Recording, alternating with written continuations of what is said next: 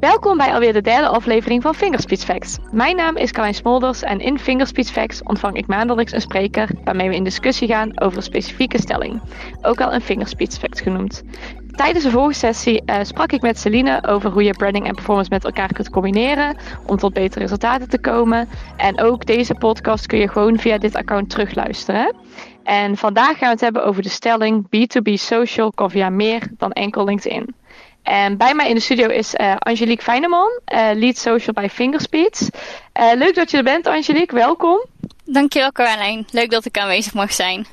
Uiteraard, ik ben heel benieuwd naar je input. zoals ik net al aangaf, gaan we het vandaag dus echt hebben over hoe je naast LinkedIn ook andere social kanalen kan inzetten voor je B2B marketing. maar mijn vraag aan jou is eigenlijk vooral van ja, hoe pak je dat eigenlijk op en hoe weet je nu welk kanaal geschikt is daarvoor? Nou, wat je natuurlijk uh, eigenlijk veel ziet is dat B2B uh, echt vooral op LinkedIn aanwezig is. En dat is natuurlijk ook het eerste kanaal waar men aan denkt. Onder andere omdat je natuurlijk heel gericht kan targeten op uh, bepaalde functietitels, bepa be bepaalde sectoren waar men zich in bevindt. Of misschien wel zelfs bedrijfsnamen daarin. Waar juist niet aan wordt gedacht of veel minder aan wordt gedacht is bijvoorbeeld Facebook en Instagram. Um, mensen die zich uh, in hun vrije tijd houden, zij zich natuurlijk ook gewoon bezig met uh, bijvoorbeeld Facebook en Instagram, een beetje tijdsverdrijf. Dus deze mensen zijn ook prima op die kanalen te vinden. Alleen wordt het daarin iets lastiger om ze te bereiken, omdat je ze niet specifiek op die functietitels kan targeten. Maar natuurlijk zijn er wel gewoon omwegen voor. Ja, want je noemt eigenlijk al heel duidelijk nu het stukje targeting. En dat dat natuurlijk een stuk lastiger gaat uh, via die kanalen. En um, wat ik laatst ook veel terughoor, is dat organisaties er tegenaan lopen dat nu veel uh, targetingmogelijkheden ook zijn verdwenen binnen Facebook. Hoe ga je daar dan mee om? Ja, klopt inderdaad. Uh, vanaf begin uh, dit jaar eigenlijk zijn er heel veel gedetailleerde targetingmogelijkheden verwijderd binnen Facebook. Um, eigenlijk is dat gewoon gekomen omdat ze of overbodig zijn of wellicht gerelateerd waren aan uh, gevoelige kwesties. Um, nou, natuurlijk kun je daar nog wel met een omweg omheen werken. Um, neem niet weg dat bepaalde dingen echt wel een stukje lastiger daarin zijn geworden, vooral voor B2B. Uh, natuurlijk hebben we wel een aantal tips daarvoor, die je daarvoor kan inzetten. En denk daarbij eens aan het uploaden van klantlijsten. Upload die en maak daar bijvoorbeeld een lookalike audience voor aan. Op die manier kun je natuurlijk wel profielen matchen die overeenkomen met jouw klanten. En kan Facebook daarin gaan kijken van hey, welke profielen sluiten aan, welke misschien wat minder. En kun je op die manier toch campagnes voeren. Uh, daarnaast kun je natuurlijk ook gewoon nog gebruik maken van custom audiences. En dat kun je bijvoorbeeld doen aan de hand van bepaalde uh, pagina's op je website.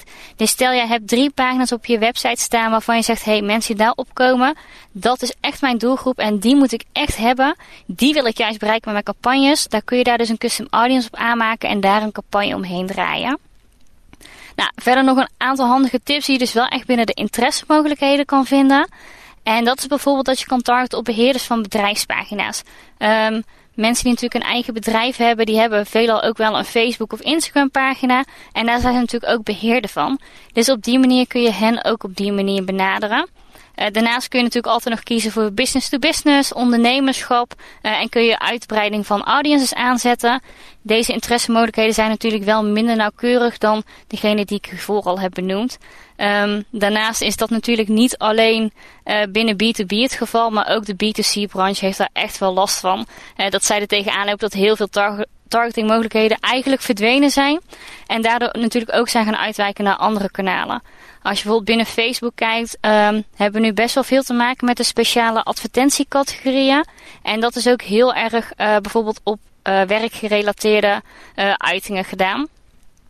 Nou, waar je dan eigenlijk aan moet denken, um, is stel jij wil een vacature uitzetten, dus je bent echt bezig met personeelswerving, dan mag je dus niet meer discrimineren op basis van geslacht of leeftijd.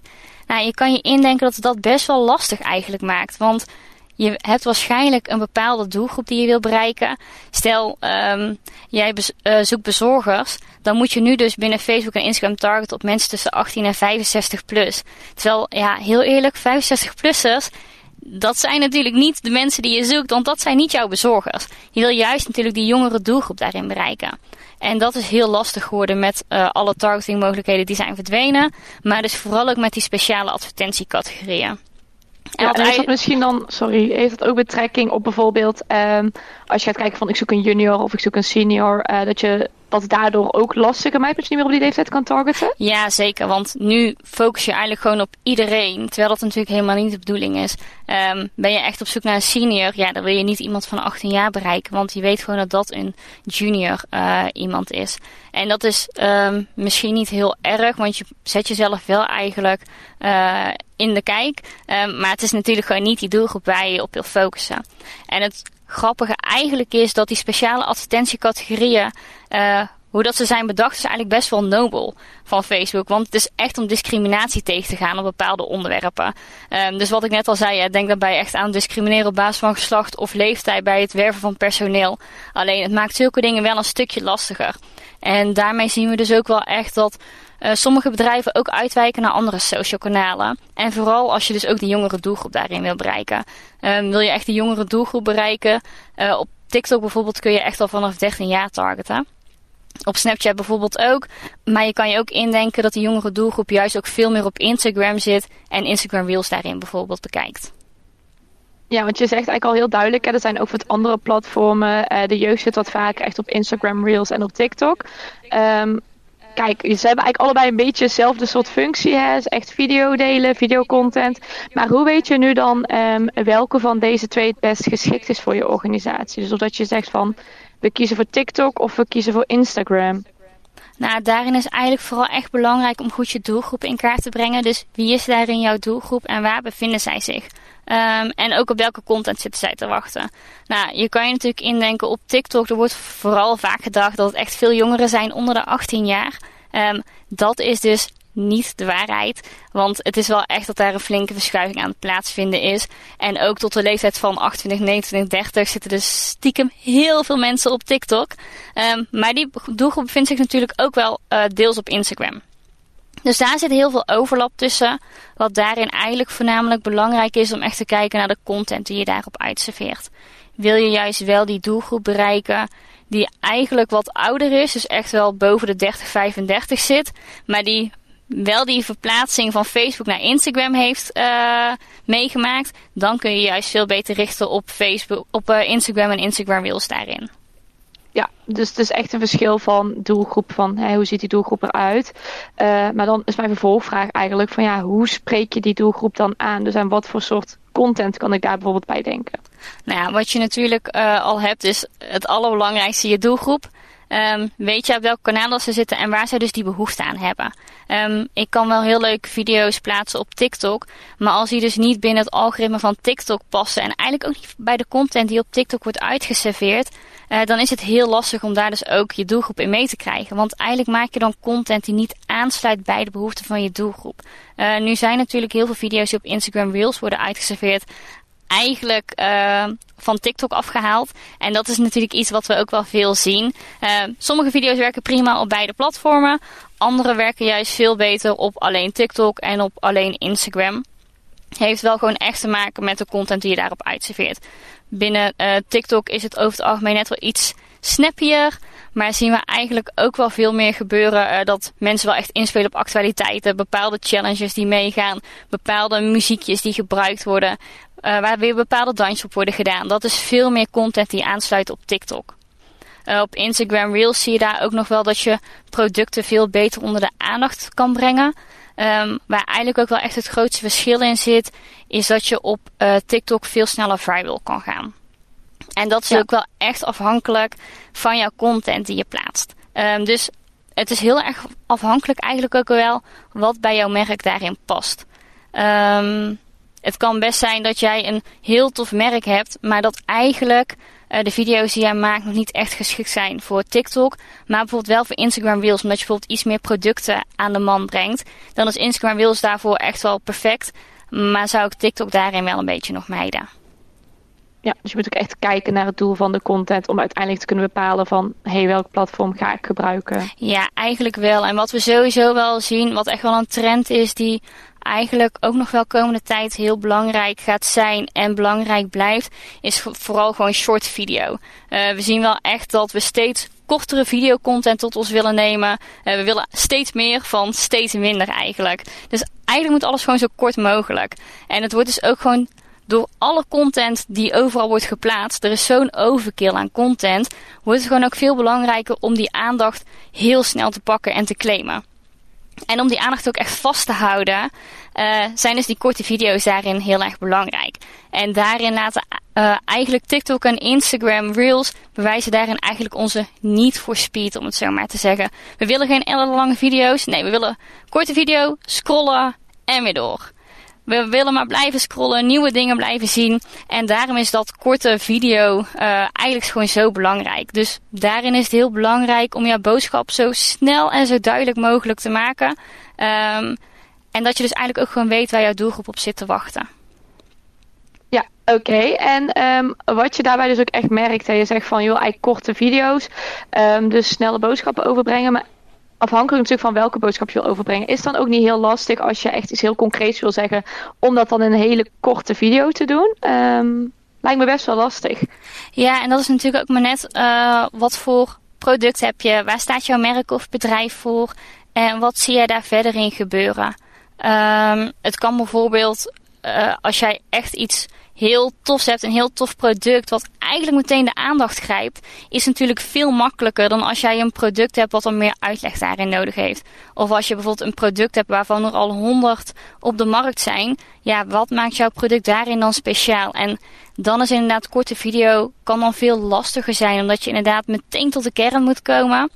Anderzijds biedt dat natuurlijk ook wel perspectief, want het zet je wel op andere denkwijze om om te gaan met de content die je creëert. Ja, en ik kan me voorstellen, Angelique, um, bijvoorbeeld als je gaat kijken naar de fashion branche of naar de woonbranche, uh, denk dat die beide allebei heel interessant vinden om uh, te zien en te volgen wat voor leuke trends er zijn en dergelijke. Um, dan lijkt me dan bijvoorbeeld echt hele handige content om te maken, omdat je mensen heel snel met mooie beelden kan inspireren. Um, maar stel werkt bijvoorbeeld in een branche die bijvoorbeeld uh, wat meer, uh, ja, laten we zeggen, op minder sexy producten gericht is. Um, hoe kun je dan ja, TikTok of Instagram nog meer inzetten om toch gave video's te maken van mensen denken van, oh, dat vinden we echt leuk om te kijken. Ja, wat je net al zegt, net als fashion, heb je bijvoorbeeld heel veel van die filmpjes die voorbij ziet komen. Dat je elke seconde een andere outfit ziet. En dat je ziet dat je bepaalde kledingstukken bijvoorbeeld kan combineren. Dat is inderdaad bij uitstek echt geschikt voor TikTok en Instagram Reels niet alle bedrijven kunnen inderdaad zulke content maken. En daardoor kun je ook gewoon denken aan hele andere content. Denk erbij bijvoorbeeld aan een kijkje achter de schermen. Uh, dat is voor sommige bedrijven namelijk een veel betere optie dan uh, content maken zoals de fashion-industrie dat doet. Um, je kan bijvoorbeeld laten zien hoe dat een dag in het leven van eruit ziet. Wat doet een medewerker nu eigenlijk binnen je bedrijf? Um, herkenbare klantenservice telefoontjes bijvoorbeeld. Daar herkent iedereen zich wel in. En dat is ook content die daarin wel leuk gevonden wordt. Um, misschien typische gesprekken die op de werkvloer worden uh, gevoerd. Ja, zorg gewoon echt voor die herkenbaarheid en die humor daarin. Anderzijds kun je natuurlijk ook uitdagingen waar jij als bedrijf tegenaan loopt delen. Um, loop je bijvoorbeeld tegen een bepaald probleem aan, maar heb je daar een toffe tool voor die je daar echt bij helpt? Deel dat, want daar kunnen anderen natuurlijk ook weer van leren. Um, maar denk daarbij ook aan employee branding. Uh, het wordt natuurlijk gewoon steeds lastiger om personeel te werven. En vooral als je op die wat jongere doelgroep ook zit.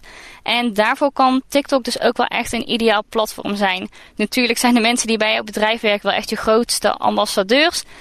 Um, dus je kan het eigenlijk tweeledig inzetten. Misschien laten kijken aan welke vette projecten dat er gewerkt wordt. Een recap van de week of misschien van de vrijdagmiddagborrel. Maar denk daarbij ook echt aan werving. Bijvoorbeeld voor Qualitaria. Uh, zij waren echt op zoek wel naar jongere uh, medewerkers. Eigenlijk echt naar die bezorgers. Dus dan zit je een beetje in de leeftijd van 16 tot misschien 20 jaar. Ja, die doelgroep kun je dus gewoon heel lastig benaderen via Facebook advertising.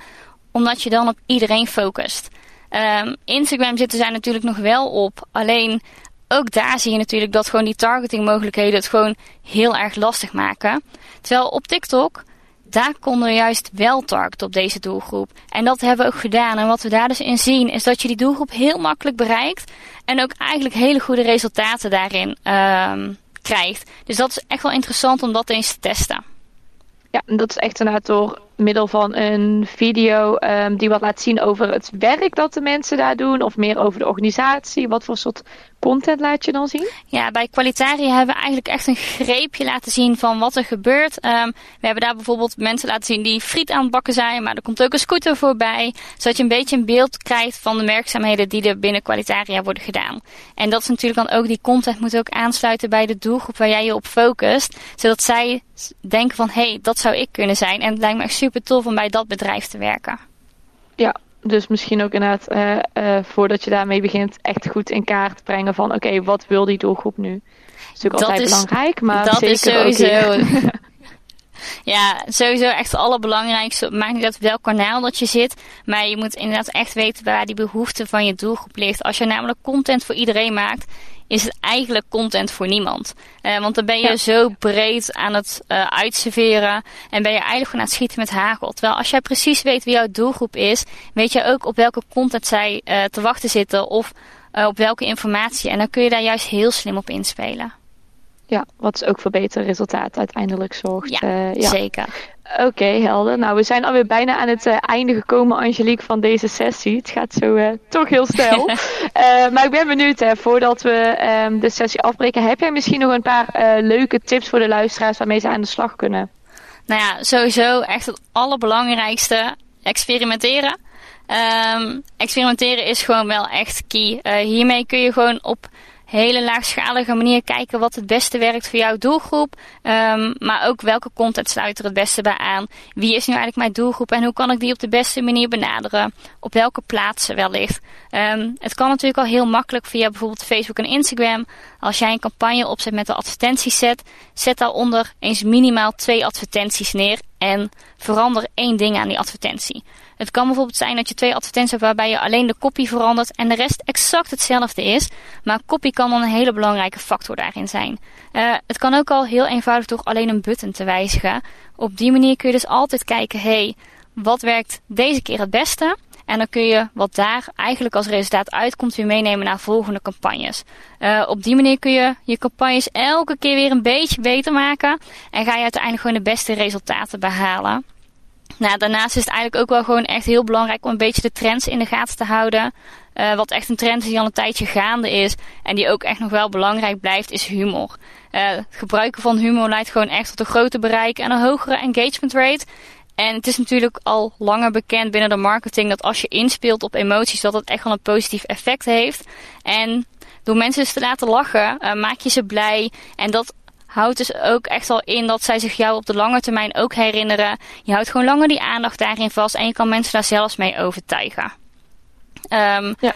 Daarnaast is ook wel echt een stukje authenticiteit heel belangrijk. Uh, dat is eigenlijk gekomen na alle coronamaatregelen, al het fake nieuws wat er is geweest. Uh, consumenten gedragen zich online gewoon veel bewuster nu.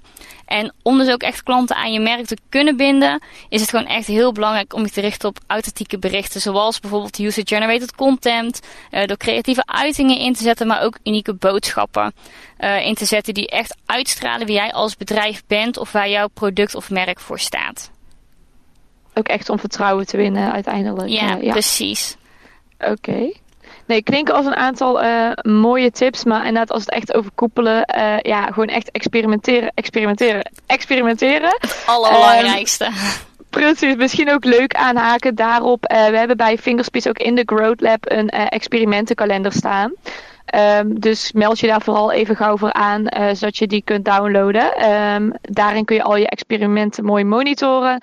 En dus echt zorgen dat je met die kleine aanpassingen telkens uh, een beetje beter wordt. Um, nou, in ieder geval, Angelique, super erg bedankt voor jouw input. ik hoop dat de luisteraars daar uh, lekker veel mee kunnen en lekker aan de slag gaan hiermee.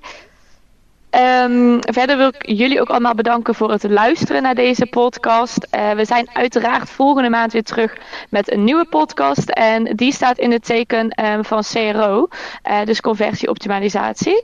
Um, en zal worden uh, gehouden samen met onze collega Jonas Timmer, ook wel lead CRO binnen Fingerspeeds.